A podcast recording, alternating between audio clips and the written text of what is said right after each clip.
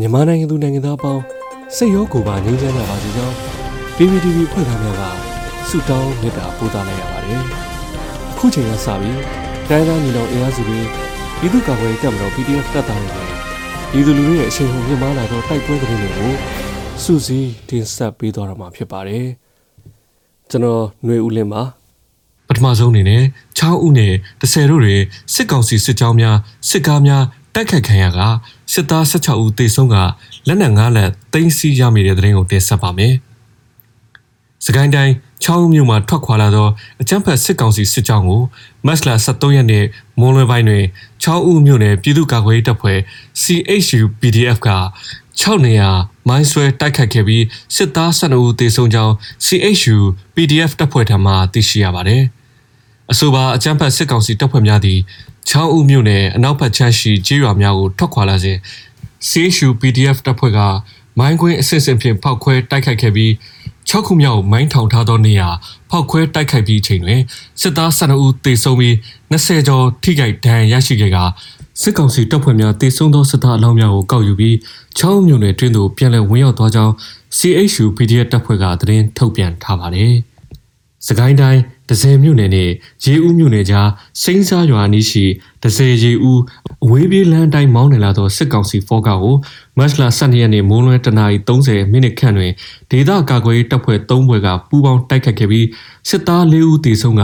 လက်နက်5လက်တင်စီရမိခဲ့ကြောင်း Phoenix Defense Force ဒဇယ်တပ်ဖွဲ့ထံမှသိရှိရပါတယ်။ရင်းအကြမ်းဖက်စစ်ကောင်စီစစ်ကားများတိုက်ခိုက်ခံပြီးနောက်တေဆုံးမှုမရှိသောစစ်သားများသည်ကားပေါ်မှဆင်းပြေးသွားပြီး တော်လေးတပ်ဖွဲ့ဝင်များကလိုက်လံပစ်ခတ်ခဲ့ကြောင်းသိရပါတယ်။အဆိုပါအကြမ်းဖက်စစ်ကောင်စီဖော်ကားနဲ့စစ်ကူလာသောစစ်ကြောင်းကိုဒဇယ် Phoenix Phoenix Defense Force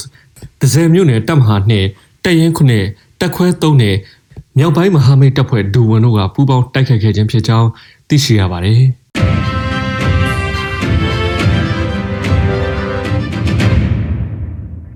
ဆက်လက်ပြီးဖလန်းတွင်ရဲ6ဦးလက်နက်များဖြင့်စီရန်ပြုတ်လုပ်တဲ့တဲ့ရင်ကိုတင်ဆက်မှာပါ။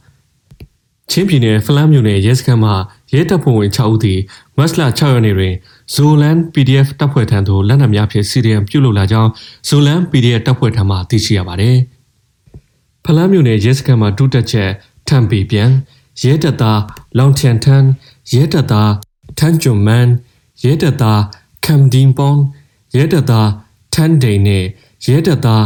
ခုပ်စုံမုံတို့ဖြစ်ကြောင်း Zolan PDF ကထုတ်ပြန်ထားပါတယ်။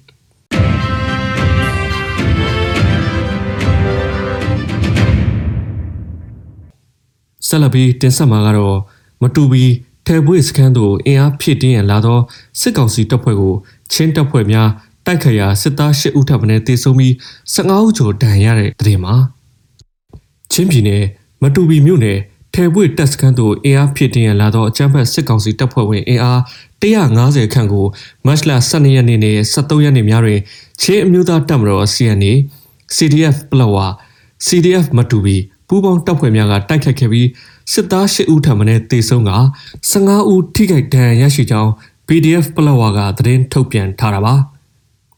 မတ်လ12ရက်နေ့စခီဟာကြီးရွာနဲ့လေးဖာလုံအကွာခန့်တွင် မိုင်းဆွဲတိုက်ခတ်ခဲ့ရာစစ်သားတအူးတေဆုံးပြီး9ဦးကျော်ဒဏ်ရာရရှိကြောင်းမတ်လ23ရက်နေ့နနက်9:00နာရီမှ17:00နာရီထိတစ်ကြိမ်ညနေ3:00နာရီမှ9:00နာရီထိတစ်ကြိမ်တိုက်ပွဲဖြစ်ပွားခဲ့ရာ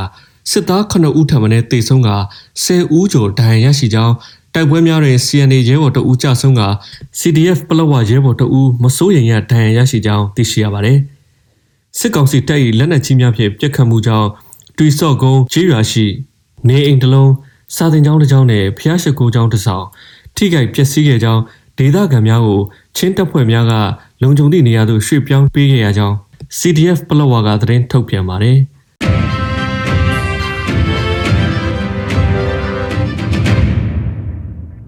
လွိုက်ကောထီရီကျွေးရွာနီးတိုက်ပွဲတွင် PDF တပူးကြဆုံးက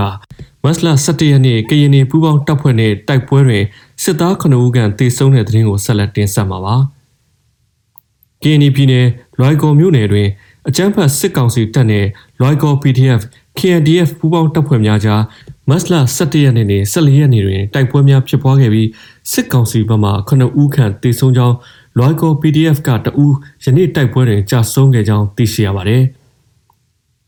ယနေ့မတ်လ14ရက်နေ့နနက်8နာရီခန့်တွင်အကြမ်းဖက်စစ်ကောင်စီတပ်သည်ကယန်းတာယာဘက်မှထီရီကျူရာဘက်သို့လက်နက်ကြီးအဆက်မပြတ်ပစ်ခတ်ကာစစ်ကြောင်းထိုးလာကြောင်းလွိုင်ကော PDF KMDF ပူးပေါင်းတပ်ဖွဲ့တို့နှင့်ထိတွေ့တိုက်ပွဲဖြစ်ပွားရာလွိုင်ကော PDF ရဲဘော်မျိုးအောင်ခေါ်ပေါ်လူကြဆုံးကြောင်း PDF လွိုင်ကောထံမှသိရှိရပါသည်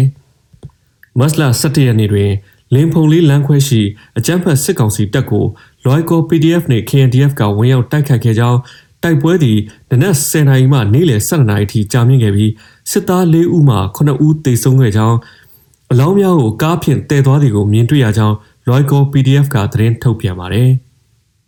ယနေ့နနက်အစောပိုင်းတနာရီ15မိနစ်ခန့်တွင်စစ်ကောင်စီတပ်သည်စစ်ဆောင်ပြည်သူများရှိရာလွိုင်ကောမြို့နယ်ဒေါ်ဆဲကြီးရွာအတွင်းသို့လက်နက်ကြီးများဖြင့်ပစ်ခတ်ခဲ့ခြင်းကြောင့် နေအိမ်အချို့ပျက်စီးကာရွာသားအချို့ထိခိုက်ဒဏ်ရာရရှိခဲ့ကြောင်း KNDF တပ်ရင်း9ကသတင်းထုတ်ပြန်ထားပါတယ်။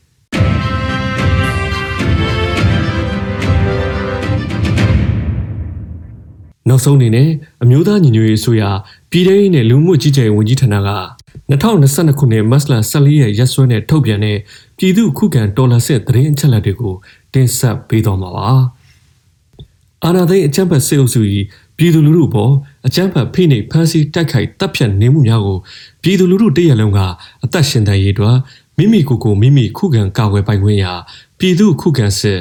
People Defenses War ကိုဆင်နွှဲလျက်ရှိပါတယ်။သတင်းချက်လက်များရာ73ရက်3လ2022ခုနှစ်နေ့ရက်တွင်စစ်ကောင်စီတပ်ဖွဲ့ဝင်44ဦးသေဆုံးပြီးထိခိုက်ဒဏ်ရာရရှိသူ15ဦးအထိခုခံတိုက်ခိုက်နိုင်ခဲ့ပါတယ်။ စစ်အာဏာရှင်စနစ်မြမမြေပေါ်မှာအပိတိုင်ချုပ်ငြိမ်းနေတဲ့ Federal Democracy စနစ်တည်ဆောက်ရေးအတွက်ငြိမ်းချမ်းစွာဆန္ဒပြသည့်လူထုတပိတ်တိုက်ပွဲများကပြည်내နှင့်တိုင်းဒေသကြီးများမှာဖြစ်ပွားပေါ်ပေါက်လျက်ရှိပါတယ်။မြေပြင်မှာယခုတွေ့ရတဲ့သတင်းအချက်အလက်များထက်ပို၍ဖြစ်ပွားနိုင်ပါတယ်ခင်ဗျာ။